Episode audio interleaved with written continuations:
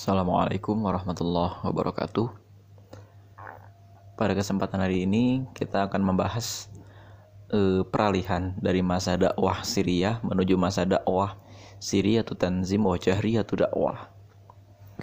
Selama sepanjang waktu tiga tahun itu ya di masa dakwah Syria kita harus mengkaji dulu apa hasil dakwahnya Rasulullah dan yang kedua modal apa yang dibutuhkan ketika suatu lembaga dakwah atau ketika satu eh, gerakan dakwah itu mau naik ke permukaan, muncul ke permukaan.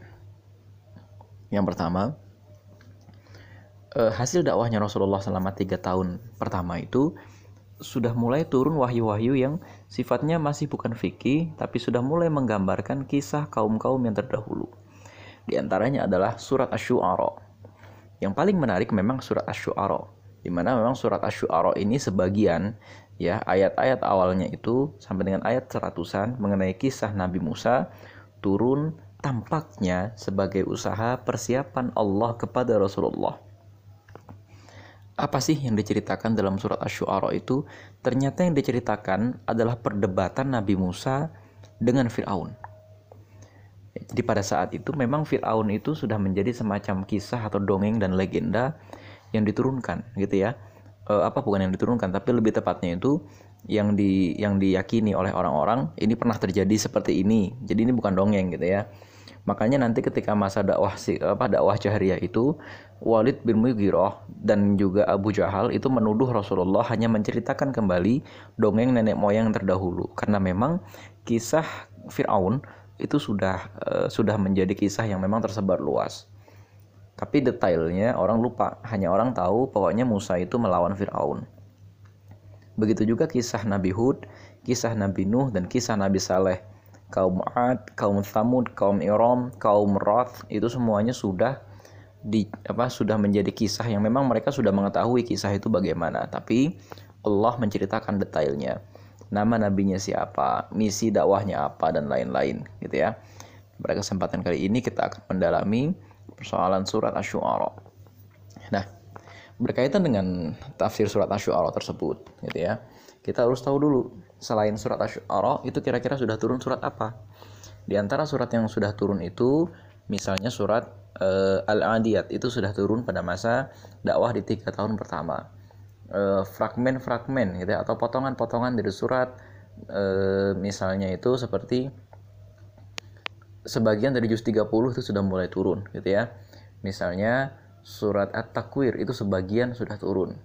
Ada lagi e, seperti surat At-Takatsur itu sebagian juga sudah turun. Artinya ada indikasi. Juga ada beberapa surat yang menurut para ulama itu tidak begitu jelas ini turunnya kapan gitu ya.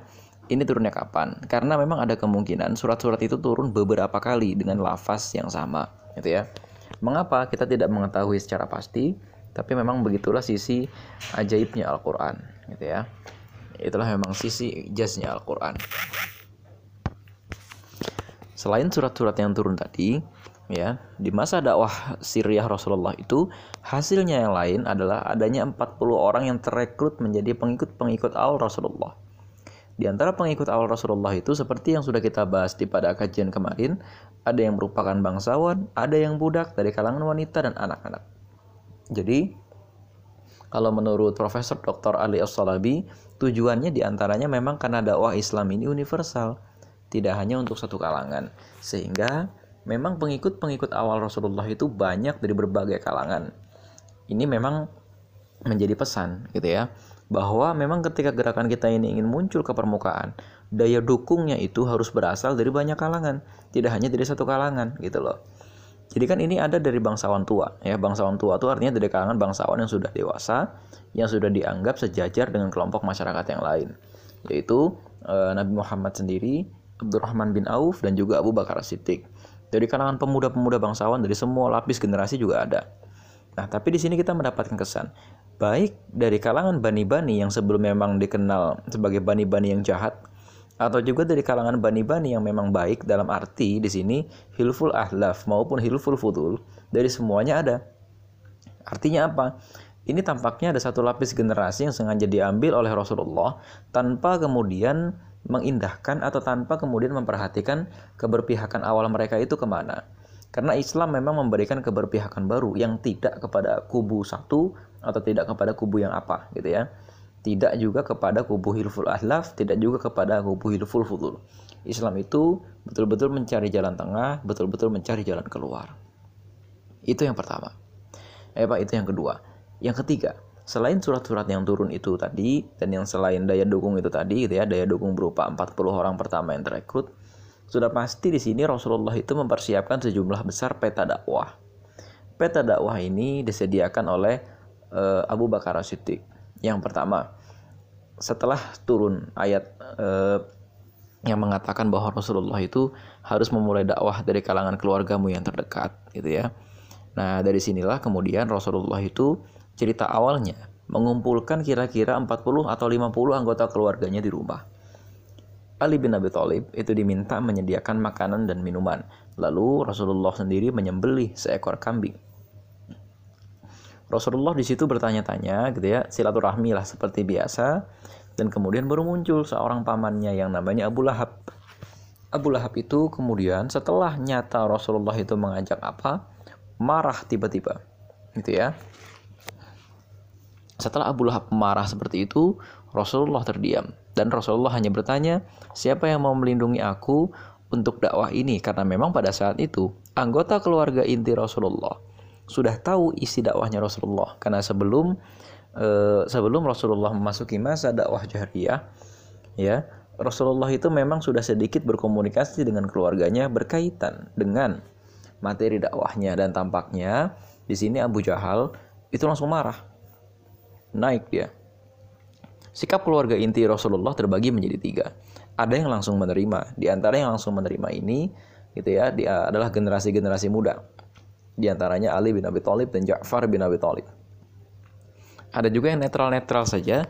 Ya, awalnya dia ini tidak menerima, tapi masih bersimpati kepada pribadi Nabi Muhammad, yaitu Abbas, Abu Talib, dan Hamzah. Jadi mereka ini menolak Islam tadinya.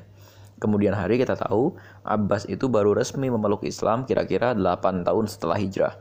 Hamzah itu baru resmi memeluk Islam kira-kira setahun atau dua tahun setelah periode dakwah jahriyah setelah pertemuan hari itu. Baru dia masuk Islam. Bibi-bibinya Rasulullah barangkali pada saat itu sudah masuk Islam tapi kita tidak mengetahui kisahnya lebih lengkap. Nah, pada saat itu gitu ya jelaslah bagi Rasulullah bahwa tampaknya dakwah tidak akan berjalan dengan mudah dan ini juga ternyata eh, apa namanya terjadi juga pada sahabat-sahabat yang lain. Setelah turun surat Asy-Syu'ara ayat 208 sampai ke bawah yang di mana surat Asy-Syu'ara ini memang turun lengkap gitu ya langsung lengkap. Ayat 208 itu kan berbunyi begini. Dan kami tidak membinasakan suatu negeri kecuali telah ada orang-orang yang memberi peringatan kepadanya untuk menjadi peringatan dan kami tidak berlaku zalim. Al-Quran itu tidaklah dibawa turun oleh setan-setan dan tidaklah pantas bagi mereka dan mereka pun tidak akan sanggup. Sungguh, untuk mendengarnya pun mereka dijauhkan. Maka janganlah kamu menyembah Tuhan selain Allah, nanti kamu termasuk orang-orang yang diazab dan berilah peringatan kepada kerabat-kerabatmu yang terdekat dan rendahkan dirimu terhadap orang-orang yang beriman yang mengikutimu. Kemudian jika mereka mendurhakaimu, katakanlah, sesungguhnya aku tidak bertanggung jawab terhadap apa yang kamu kerjakan. Nah, jadi yang pertama begini, di ayat 200 208 ini gitu ya. Wa ma ahlakna min qaryatin illa laha mungzirun. Itu maksudnya begini. Nabi Muhammad diberikan gambaran nanti Allah itu tidak akan menghancurkan suatu negeri kecuali negeri itu sudah mendustakan satu peringatan. Masalahnya adalah surat Asy-Syu'ara itu sejak awal isinya tuh kisah Nabi Musa, kisah Nabi Lut dan lain-lain. Yang isinya itu sama polanya. Yang nanti polanya itu secara ringkas akan di, di apa namanya diulas, diringkas dalam surat Al-Qamar. Ya. Ketika nanti ada seseorang suatu kelompok kaum mendustakan, maka mereka ending-endingnya pasti akan diazab. Pasti akan diazab, gitu ya. Ini contoh yang paling gampang di sini begini. Ini ada kisahnya Nabi Musa, gitu ya. Kisahnya Nabi Musa dalam surat Asy-Syu'ara itu itu dimulai dengan kisah ketika e, Musa itu diangkat menjadi rasul ya ketika Tuhanmu menyeru Musa datanglah kaum yang zalim itu ini dalam surat asy-syu'ara dan Nabi Musa berkata Sungguh ya Tuhanku, aku takut mereka akan mendustakan aku sehingga dadaku sempit dan lidahku tidak lancar. Maka utuslah Harun bersamaku dan seterusnya. Gitu ya. Nah, lalu Firaun menjawab. Jadi kan ketika ketika Musa datang kepada Firaun, lalu Firaun menjawab, "Bukankah kami telah mengasuhmu dalam lingkungan keluarga kami waktu engkau masih kanak-kanak? Dan engkau tinggal bersama kami beberapa tahun dari umurmu." Ini dalam surat Asy-Syu'ara ayat 18. Dan Firaun berkata lagi, dan engkau telah melakukan kesalahan dari perbuatan yang engkau lakukan, dan engkau termasuk kaum yang tidak tahu berterima kasih. Artinya apa? Ini yang diangkat oleh Firaun identitas primordial kesukuan. Identitas rasa, loh bukannya kau ini dulu waktu kecil kami yang nanggung. Bukannya waktu kecil kau itu kami yang rawat dan seterusnya. Gitu kan? Tapi Musa menjawab, aku telah melakukannya. Dan ketika itu aku termasuk orang yang hilaf. Lalu aku lari darimu karena aku takut padamu. Kemudian Tuhanku mengaduhkan ilmu kepadaku, serta dia menjadikan aku seorang rasul. Dan itulah kebaikan yang telah engkau berikan kepadaku. Oke, engkau telah merawatku di masa kecil. Tapi, engkau memperbudak Bani Israel itu masalahnya. Jadi nggak ada hubungannya. Mau saya ini tadinya engkau rawat kek, mau tadinya engkau ini saya kasih beasiswa kek, ibaratnya kan gitu. Mau tadinya saya ini dibiayai apa kek, tapi engkau tetap melakukan sebuah kezoliman Nah ini yang namanya muruah gitu loh. Jadi muruah itu penting sekali. Muruah itu artinya kewibawaan gitu ya kurang lebih. Dan seterusnya gitu ya. Artinya begini, nanti kan sama Nabi Musa, itu Firaun didebat lagi, gitu kan? Debatnya gimana? Firaun bertanya, siapa Tuhan seluruh alam itu? Musa menjawab, Tuhan pencipta langit dan bumi dan apa yang ada di antara keduanya. Oke, lalu Firaun bertanya lagi, apa kamu tidak mendengar orang orang ini ngomong apa? Itu kata Nabi Musa. Firaun berkata, masa Musa itu bilang Tuhanmu dan juga Tuhan nenek moyangmu terdahulu, gitu kan? Akhirnya Firaun gak kehabisan akal di, di stigma Nabi Musa itu. Maka orang yang sebenarnya ya, orang yang ibaratnya kehabisan argumen, tapi kemudian maksa-maksa nyari, ini kemudian kerjaannya itu cuma ngasih stigma, entah radikal entah teroris. Karena Nabi Musa itu, Firaun memberikan gelar kepadanya, Firaun apa Musa itu betul-betul orang yang gila. Kemudian kalau kita lihat lagi, ayat 27, eh, ayat 28. Musa berkata, Tuhan itu adalah yang menguasai timur dan barat dan apa yang ada di antara keduanya. Jika kamu mengerti. Firaun berkata, Sungguh jika engkau menyembah Tuhan selain aku, pasti aku masukkan engkau ke dalam penjara. Terus sama Musa ditantang. Tapi intinya begini, memang ciri-ciri diktator itu kalau memang ada yang berbeda paham, ya atas nama perbedaan ideologi negara maka ujung-ujungnya dia akan dipenjarakan jadi pemimpin yang gampang memenjarakan orang itu memang diktator lalu Musa berkata eh, eh apa eh, ya Musa berkata apakah engkau akan melakukan itu sekalipun aku tunjukkan bukti kepadamu Firaun berkata tunjukkan bukti kalau begitu maka Musa melemparkan tongkat tiba-tiba tongkat itu menjadi ular gitu ya dan seterusnya dan seterusnya. Kisah ini nanti bersambung kepada sebuah festival sihir di mana Nabi Musa membuktikan kenabiannya di hadapan Firaun untuk mengalahkan para tukang sihir tersebut. Tapi Firaun tidak peduli. Akhirnya apa? Endingnya endingnya itu Firaun dihabisi dengan azab. Nah, pertanyaannya sekarang begini, bagaimana kesan Rasulullah setelah turun surat Asy-Syu'ara ini? Yang jadi masalah buat kita sebenarnya bukan masalah uh, uh, bukan masalah surat asyuaranya gitu loh tapi ini masalah Rasulullah itu diberikan pesan bahwa pada saat itu orang-orang kafir pasti akan memerangi Rasulullah dan pasti yang yang lebih pahit lagi bagi Rasulullah adalah orang-orang kafir itu kalau menolak pesannya Rasulullah itu akan diazab. Jadi ini yang dibawa oleh Rasulullah itu bukan sekedar pepesan kosong, bukan sekedar ajakan untuk berfilantrop, bukan juga sekedar ajakan untuk bergerak secara sosial. Yang kalau tidak dilakukan, gitu ya, yang kalau tidak diindahkan, nanti nggak ada azab gitu, nggak ada apa-apa. Ya sudah, artinya kalau jadi ini loh, nggak boleh kita tuh ngomong ya sudah nanti kalau anda nggak mau ikut, terserah anda. Yang penting saya sudah mengingatkan. Masalahnya bukan itu, tapi sebagai seorang juru dakwah itu harusnya kita sadar kalau kita itu tidak secara serius mendidik orang, tidak secara serius mengajak orang kepada kebenaran, jaminan ini azab. yang diazab siapa bukan kita orang itu makanya seorang juru dakwah itu yang pertama yang harus dia punya itu itu bukan keterampilan ilmu bukan yang harus dimiliki oleh seorang juru dakwah itu bukan hafalan yang banyak bukan kemudian kemampuan bahasa Arab yang dominan gitu ya bukan. Yang harus dia miliki adalah kasih sayang kepada umat. Karena kalau dia tidak punya rasa kasih sayang kepada umat maka dia akan membiarkan umat itu bodoh selamanya dia akan membiarkan umat itu diazab selamanya sebagaimana kata Allah dalam surat asy-syu'ara tadi. Ya Allah mengatakan Allah tidak membinasakan suatu negeri sebelum negeri itu mendustakan. Artinya begini, kalau ada disebut istilah mendustakan, orang itu tidak dikatakan mendustakan sebelum kita menyampaikan.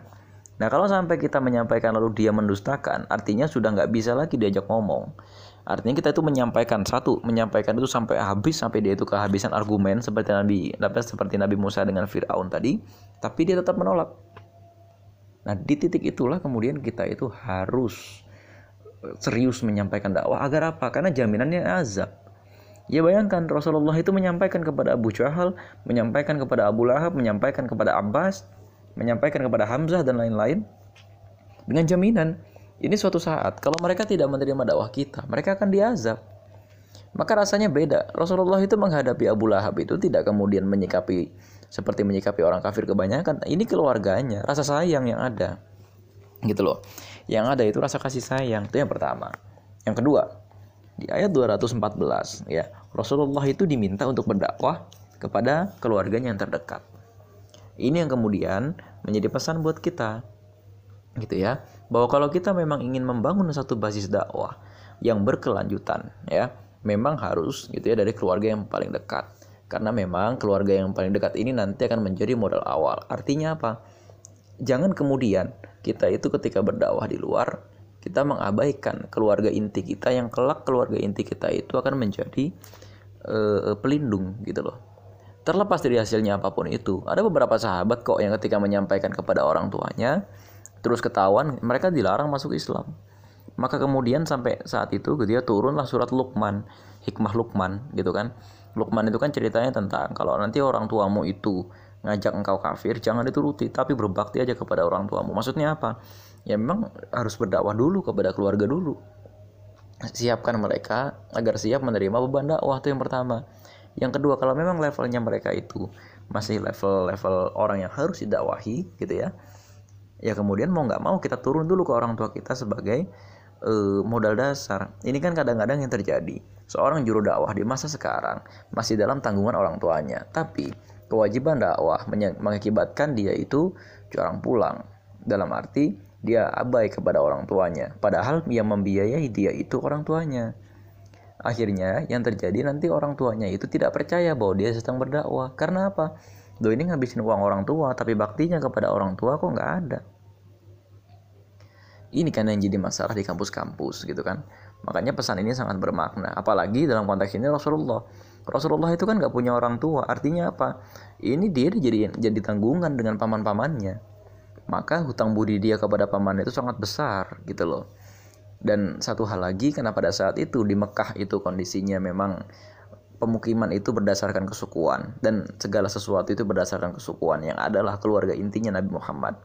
Sangat sangat berbahaya kalau Rasulullah itu tidak memulai dakwah dari keluarganya karena apa? Keluarganya inilah kelak yang ketika terjadi peperangan atau ketika terjadi pengeroyokan dan lain-lain akan melindungi Rasulullah.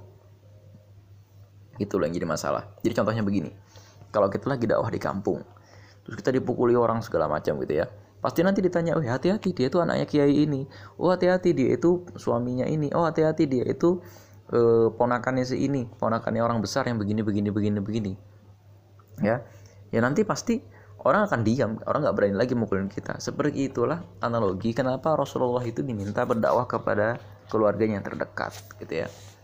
Kira-kira itu. Allah alam bisawab. Assalamualaikum warahmatullahi wabarakatuh. Assalamualaikum warahmatullahi wabarakatuh. Pada kesempatan hari ini kita akan membahas uh, peralihan dari masa dakwah Syria menuju masa dakwah atau tanzim wa atau dakwah. Selama sepanjang waktu tiga tahun itu, ya di masa dakwah Syria, kita harus mengkaji dulu apa hasil dakwahnya Rasulullah dan yang kedua modal apa yang dibutuhkan ketika suatu lembaga dakwah atau ketika satu eh, gerakan dakwah itu mau naik ke permukaan, muncul ke permukaan. Yang pertama, eh, hasil dakwahnya Rasulullah selama tiga tahun pertama itu sudah mulai turun wahyu-wahyu yang sifatnya masih bukan fikih, tapi sudah mulai menggambarkan kisah kaum-kaum yang terdahulu. Di antaranya adalah surat Asy-Syu'ara. Yang paling menarik memang surat Asy-Syu'ara di mana memang surat Asy-Syu'ara ini sebagian ya ayat-ayat awalnya itu sampai dengan ayat seratusan mengenai kisah Nabi Musa turun tampaknya sebagai usaha persiapan Allah kepada Rasulullah. Apa sih yang diceritakan dalam surat Asy-Syu'ara itu? Ternyata yang diceritakan adalah perdebatan Nabi Musa dengan Firaun.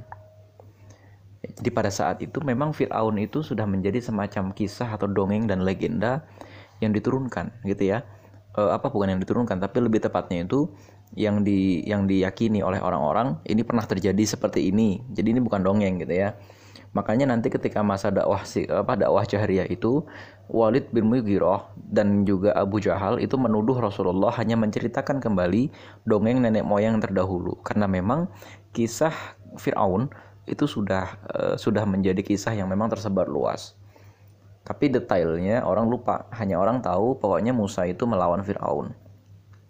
Begitu juga kisah Nabi Hud, kisah Nabi Nuh dan kisah Nabi Saleh.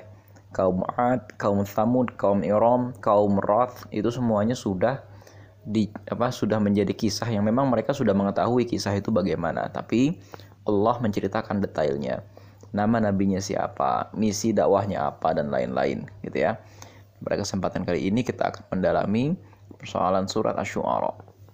Nah, berkaitan dengan tafsir surat Asy-Syu'ara tersebut, gitu ya. Kita harus tahu dulu selain surat Asy-Syu'ara itu kira-kira sudah turun surat apa?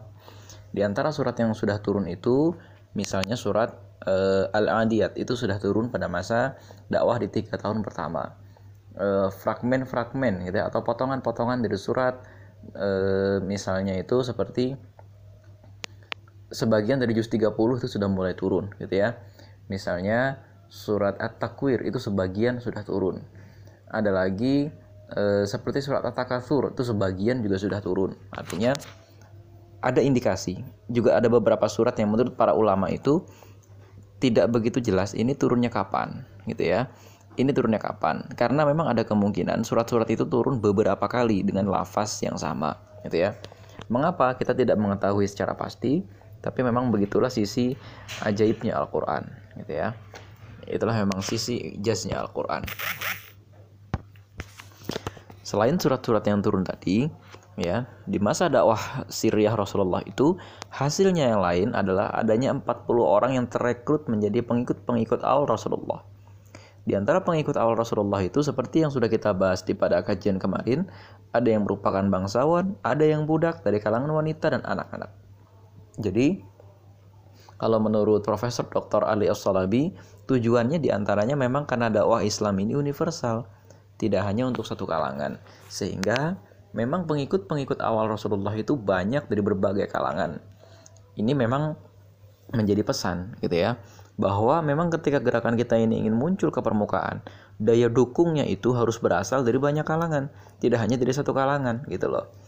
Jadi kan ini ada dari bangsawan tua, ya bangsawan tua itu artinya dari kalangan bangsawan yang sudah dewasa, yang sudah dianggap sejajar dengan kelompok masyarakat yang lain, yaitu e, Nabi Muhammad sendiri, Abdurrahman bin Auf dan juga Abu Bakar Siddiq. Dari kalangan pemuda-pemuda bangsawan dari semua lapis generasi juga ada. Nah, tapi di sini kita mendapatkan kesan baik dari kalangan bani-bani yang sebelum memang dikenal sebagai bani-bani yang jahat atau juga dari kalangan bani-bani yang memang baik dalam arti di sini hilful ahlaf maupun hilful fudul dari semuanya ada. Artinya apa? Ini tampaknya ada satu lapis generasi yang sengaja diambil oleh Rasulullah tanpa kemudian mengindahkan atau tanpa kemudian memperhatikan keberpihakan awal mereka itu ke mana. Karena Islam memang memberikan keberpihakan baru yang tidak kepada kubu satu atau tidak kepada kubu yang apa gitu ya tidak juga kepada kubu hilful ahlaf, tidak juga kepada kubu hilful fudul. Islam itu betul-betul mencari jalan tengah, betul-betul mencari jalan keluar. Itu yang pertama. Eh Pak, itu yang kedua. Yang ketiga, selain surat-surat yang turun itu tadi dan yang selain daya dukung itu tadi gitu ya, daya dukung berupa 40 orang pertama yang terekrut, sudah pasti di sini Rasulullah itu mempersiapkan sejumlah besar peta dakwah. Peta dakwah ini disediakan oleh uh, Abu Bakar Siddiq. Yang pertama, setelah turun ayat uh, yang mengatakan bahwa Rasulullah itu harus memulai dakwah dari kalangan keluargamu yang terdekat gitu ya. Nah, dari sinilah kemudian Rasulullah itu cerita awalnya mengumpulkan kira-kira 40 atau 50 anggota keluarganya di rumah. Ali bin Abi Thalib itu diminta menyediakan makanan dan minuman. Lalu Rasulullah sendiri menyembelih seekor kambing. Rasulullah di situ bertanya-tanya gitu ya, silaturahmi lah seperti biasa dan kemudian baru muncul seorang pamannya yang namanya Abu Lahab. Abu Lahab itu kemudian setelah nyata Rasulullah itu mengajak apa? Marah tiba-tiba. Gitu ya. Setelah Abu Lahab marah seperti itu, Rasulullah terdiam. Dan Rasulullah hanya bertanya, siapa yang mau melindungi aku untuk dakwah ini? Karena memang pada saat itu, anggota keluarga inti Rasulullah sudah tahu isi dakwahnya Rasulullah. Karena sebelum eh, sebelum Rasulullah memasuki masa dakwah jahriyah ya Rasulullah itu memang sudah sedikit berkomunikasi dengan keluarganya berkaitan dengan materi dakwahnya. Dan tampaknya di sini Abu Jahal itu langsung marah. Naik dia. Sikap keluarga inti Rasulullah terbagi menjadi tiga. Ada yang langsung menerima. Di antara yang langsung menerima ini gitu ya dia adalah generasi-generasi muda di antaranya Ali bin Abi Thalib dan Ja'far bin Abi Thalib ada juga yang netral-netral saja ya awalnya dia ini tidak menerima tapi masih bersimpati kepada pribadi Nabi Muhammad yaitu Abbas, Abu Talib dan Hamzah. Jadi mereka ini menolak Islam tadinya. Kemudian hari kita tahu Abbas itu baru resmi memeluk Islam kira-kira 8 tahun setelah hijrah. Hamzah itu baru resmi memeluk Islam kira-kira setahun atau dua tahun setelah periode dakwah jahriyah setelah pertemuan hari itu. Baru dia masuk Islam bibi-bibinya Rasulullah barangkali pada saat itu sudah masuk Islam tapi kita tidak mengetahui kisahnya lebih lengkap. Nah, pada saat itu gitu ya jelaslah bagi Rasulullah bahwa tampaknya dakwah tidak akan berjalan dengan mudah dan ini juga ternyata eh, apa namanya terjadi juga pada sahabat-sahabat yang lain. Setelah turun surat Asy-Syu'ara ayat 208 sampai ke bawah yang di mana surat Asy-Syu'ara ini memang turun lengkap gitu ya, langsung lengkap. Ayat 208 itu kan berbunyi begini. Dan kami tidak membinasakan suatu negeri kecuali telah ada orang-orang yang memberi peringatan kepadanya untuk menjadi peringatan dan kami tidak berlaku zalim. Al-Quran itu tidaklah dibawa turun oleh setan-setan dan tidaklah pantas bagi mereka dan mereka pun tidak akan sanggup. Sungguh untuk mendengarnya pun mereka dijauhkan. Maka janganlah kamu menyembah Tuhan selain Allah, nanti kamu termasuk orang-orang yang diazab. Dan berilah peringatan kepada kerabat-kerabatmu yang terdekat, dan rendahkan dirimu terhadap orang-orang yang beriman yang mengikutimu. Kemudian jika mereka mendurhakaimu, katakanlah, sesungguhnya aku tidak bertanggung jawab terhadap apa yang kamu kerjakan. Nah, jadi yang pertama begini, di ayat 200 208 ini gitu ya. Wa ma ahlakna min qaryatin illa laha mungzirun. Itu maksudnya begini. Nabi Muhammad diberikan gambaran. Nanti Allah itu tidak akan menghancurkan suatu negeri kecuali negeri itu sudah mendustakan satu peringatan. Masalahnya adalah surat Asy-Syu'ara itu sejak awal isinya tuh kisah Nabi Musa, kisah Nabi Lut dan lain-lain. Yang isinya itu sama polanya.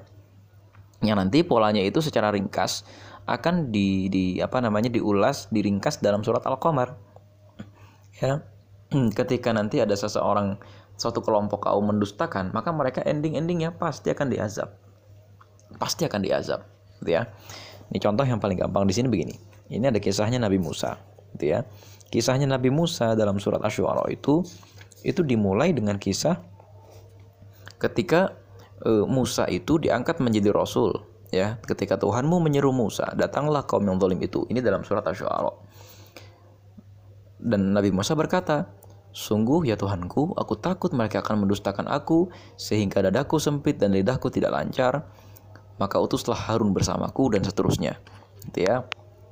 Nah, lalu Firaun menjawab, Jadi kan ketika ketika Musa datang kepada Firaun, lalu Firaun menjawab, "Bukankah kami telah mengasuhmu dalam lingkungan keluarga kami waktu engkau masih kanak-kanak? Dan engkau tinggal bersama kami beberapa tahun dari umurmu." Ini dalam surat Asy-Syu'ara ayat 18. Dan Firaun berkata lagi, dan engkau telah melakukan kesalahan dari perbuatan yang engkau lakukan, dan engkau termasuk kaum yang tidak tahu berterima kasih. Artinya apa? Ini yang diangkat oleh Firaun identitas primordial kesukuan. Identitas rasa, loh bukannya kau ini dulu waktu kecil kami yang nanggung. Bukannya waktu kecil kau itu kami yang rawat dan seterusnya. Gitu kan? Tapi Musa menjawab, aku telah melakukannya. Dan ketika itu aku termasuk orang yang hilaf. Lalu aku lari darimu karena aku takut padamu. Kemudian Tuhanku mengaduhkan ilmu kepadaku, serta dia menjadikan aku seorang rasul. Dan itulah kebaikan yang telah engkau berikan kepadaku. Oke, engkau telah merawatku di masa kecil. Tapi, engkau memperbudak Bani Israel itu masalahnya. Jadi nggak ada hubungannya. Mau saya ini tadinya engkau rawat kek, mau tadinya engkau ini saya kasih beasiswa kek, ibaratnya kan gitu. Mau tadinya saya ini dibiayai apa kek, tapi engkau tetap melakukan sebuah kesuliman Nah ini yang namanya muruah gitu loh. Jadi muruah itu penting sekali. Muruah itu artinya kewibawaan gitu ya kurang lebih. Dan seterusnya gitu ya. Artinya begini, nanti kan sama Nabi Musa, itu Firaun didebat lagi, gitu kan? Debatnya gimana? Firaun bertanya, "Siapa Tuhan seluruh alam itu?" Musa menjawab, "Tuhan pencipta langit dan bumi dan apa yang ada di antara keduanya." Oke, lalu Firaun bertanya lagi, "Apa kamu tidak mendengar orang orang ini ngomong apa?" Itu kata Nabi Musa. Firaun berkata, "Masa Musa itu bilang Tuhanmu dan juga Tuhan nenek moyangmu terdahulu?" Gitu kan? Akhirnya Firaun gak kehabisan akal di, di stigma Nabi Musa itu. Maka orang yang sebenarnya ya, orang yang ibaratnya kehabisan argumen, tapi kemudian maksa-maksa nyari. Ini kemudian kerjaannya itu cuma ngasih stigma, entah radikal, entah teroris. Karena Nabi Musa itu, Fir'aun memberikan gelar kepadanya, Fir'aun, apa Musa itu betul-betul orang yang gila. Kemudian kalau kita lihat lagi, ayat 27, eh, ayat 28. Musa berkata, Tuhan itu adalah yang menguasai timur dan barat dan apa yang ada di antara keduanya. Jika kamu mengerti. Firaun berkata, Sungguh, jika engkau menyembah Tuhan selain aku, pasti aku masukkan engkau ke dalam penjara. Terus sama Musa ditantang. Tapi intinya begini, memang ciri-ciri diktator itu, kalau memang ada yang berbeda paham, ya atas nama perbedaan ideologi negara maka ujung-ujungnya dia akan dipenjarakan jadi pemimpin yang gampang memenjarakan orang itu memang diktator lalu Musa berkata eh, eh apa eh, ya Musa berkata apakah engkau akan melakukan itu sekalipun aku tunjukkan bukti kepadamu Firaun berkata tunjukkan bukti kalau begitu maka Musa melemparkan tongkat tiba-tiba tongkat itu menjadi ular gitu ya dan seterusnya dan seterusnya. Kisah ini nanti bersambung kepada sebuah festival sihir di mana Nabi Musa membuktikan kenabiannya di hadapan Firaun untuk mengalahkan para tukang sihir tersebut. Tapi Firaun tidak peduli. Akhirnya apa? Endingnya endingnya itu Firaun dihabisi dengan azab. Nah, pertanyaannya sekarang begini, bagaimana kesan Rasulullah setelah turun surat Asy-Syu'ara ini? Yang jadi masalah buat kita sebenarnya bukan masalah uh, uh, bukan masalah surat asyuaranya gitu loh tapi ini masalah Rasulullah itu diberikan pesan bahwa pada saat itu orang-orang kafir pasti akan memerangi Rasulullah dan pasti yang yang lebih pahit lagi bagi Rasulullah adalah orang-orang kafir itu kalau menolak pesannya Rasulullah itu akan diazab. Jadi ini yang dibawa oleh Rasulullah itu bukan sekedar pepesan kosong, bukan sekedar ajakan untuk berfilantrop, bukan juga sekedar ajakan untuk bergerak secara sosial. Yang kalau tidak dilakukan, gitu ya, yang kalau tidak diindahkan, nanti nggak ada azab gitu, nggak ada apa-apa. Ya sudah, artinya kalau jadi ini loh, nggak boleh kita tuh ngomong ya sudah nanti kalau anda nggak mau ikut, terserah anda. Yang penting saya sudah mengingatkan. Masalahnya bukan itu. Tapi sebagai seorang juru dakwah itu harusnya kita sadar kalau kita itu tidak secara serius mendidik orang, tidak secara serius mengajak orang kepada kebenaran, jaminan ini azab. Yang diazab siapa? Bukan kita orang itu. Makanya seorang juru dakwah itu yang pertama yang harus dia punyai itu itu bukan keterampilan ilmu, bukan. Yang harus dimiliki oleh seorang juru dakwah itu bukan hafalan yang banyak, bukan kemudian kemampuan bahasa Arab yang dominan gitu ya, bukan yang harus dia miliki adalah kasih sayang kepada umat. Karena kalau dia tidak punya rasa kasih sayang kepada umat, maka dia akan membiarkan umat itu bodoh selamanya. Dia akan membiarkan umat itu diazab selamanya. Sebagaimana kata Allah dalam surat Asy-Syu'ara tadi. Ya Allah mengatakan Allah tidak membinasakan suatu negeri sebelum negeri itu mendustakan. Artinya begini, kalau ada disebut istilah mendustakan, orang itu tidak dikatakan mendustakan sebelum kita menyampaikan. Nah kalau sampai kita menyampaikan lalu dia mendustakan, artinya sudah nggak bisa lagi diajak ngomong. Artinya kita itu menyampaikan satu, menyampaikan itu sampai habis sampai dia itu kehabisan argumen seperti Nabi seperti Nabi Musa dengan Firaun tadi, tapi dia tetap menolak. Nah, di titik itulah kemudian kita itu harus serius menyampaikan dakwah agar apa? Karena jaminannya azab.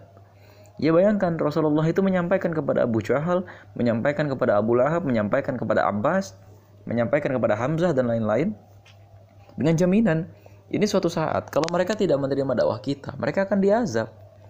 Maka rasanya beda. Rasulullah itu menghadapi Abu Lahab itu tidak kemudian menyikapi seperti menyikapi orang kafir kebanyakan. Ini keluarganya, rasa sayang yang ada. Gitu loh. Yang ada itu rasa kasih sayang. Itu yang pertama. Yang kedua, di ayat 214 ya, Rasulullah itu diminta untuk berdakwah kepada keluarganya yang terdekat.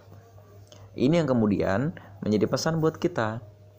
Gitu ya bahwa kalau kita memang ingin membangun satu basis dakwah yang berkelanjutan ya memang harus gitu ya dari keluarga yang paling dekat karena memang keluarga yang paling dekat ini nanti akan menjadi modal awal artinya apa jangan kemudian kita itu ketika berdakwah di luar kita mengabaikan keluarga inti kita yang kelak keluarga inti kita itu akan menjadi uh, pelindung gitu loh. Terlepas dari hasilnya apa pun itu ada beberapa sahabat kok yang ketika menyampaikan kepada orang tuanya terus ketahuan mereka dilarang masuk Islam. Maka kemudian sampai saat itu ya turunlah surat Luqman hikmah Luqman gitu kan. Luqman itu kan ceritanya tentang kalau nanti orang tuamu itu ngajak engkau kafir jangan dituruti tapi berbakti aja kepada orang tuamu. Maksudnya apa? Ya memang harus berdakwah dulu kepada keluarga dulu. Siapkan mereka agar siap menerima beban dakwah itu yang pertama. Yang kedua kalau memang levelnya mereka itu masih level-level orang yang harus didakwahi gitu ya ya kemudian mau nggak mau kita turun dulu ke orang tua kita sebagai uh, modal dasar. Ini kan kadang-kadang yang terjadi. Seorang juru dakwah di masa sekarang masih dalam tanggungan orang tuanya. Tapi kewajiban dakwah mengakibatkan dia itu jarang pulang dalam arti dia abai kepada orang tuanya padahal yang membiayai dia itu orang tuanya akhirnya yang terjadi nanti orang tuanya itu tidak percaya bahwa dia sedang berdakwah karena apa Do ini ngabisin uang orang tua, tapi baktinya kepada orang tua kok nggak ada. Ini kan yang jadi masalah di kampus-kampus gitu kan. Makanya pesan ini sangat bermakna. Apalagi dalam konteks ini Rasulullah. Rasulullah itu kan nggak punya orang tua. Artinya apa? Ini dia jadi jadi tanggungan dengan paman-pamannya. Maka hutang budi dia kepada paman itu sangat besar gitu loh. Dan satu hal lagi karena pada saat itu di Mekah itu kondisinya memang pemukiman itu berdasarkan kesukuan dan segala sesuatu itu berdasarkan kesukuan yang adalah keluarga intinya Nabi Muhammad. Sangat sangat berbahaya kalau Rasulullah itu tidak memulai dakwah dari keluarganya.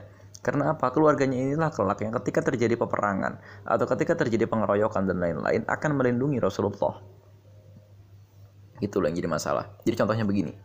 Kalau kita lagi dakwah di kampung, terus kita dipukuli orang segala macam gitu ya pasti nanti ditanya oh hati-hati dia itu anaknya kiai ini oh hati-hati dia itu suaminya ini oh hati-hati dia itu eh, ponakannya si ini ponakannya orang besar yang begini begini begini begini ya ya nanti pasti orang akan diam orang nggak berani lagi mukulin kita. Seperti itulah analogi kenapa Rasulullah itu diminta berdakwah kepada keluarganya yang terdekat gitu ya. Kira-kira itu. Allah alam bisawab Assalamualaikum warahmatullahi wabarakatuh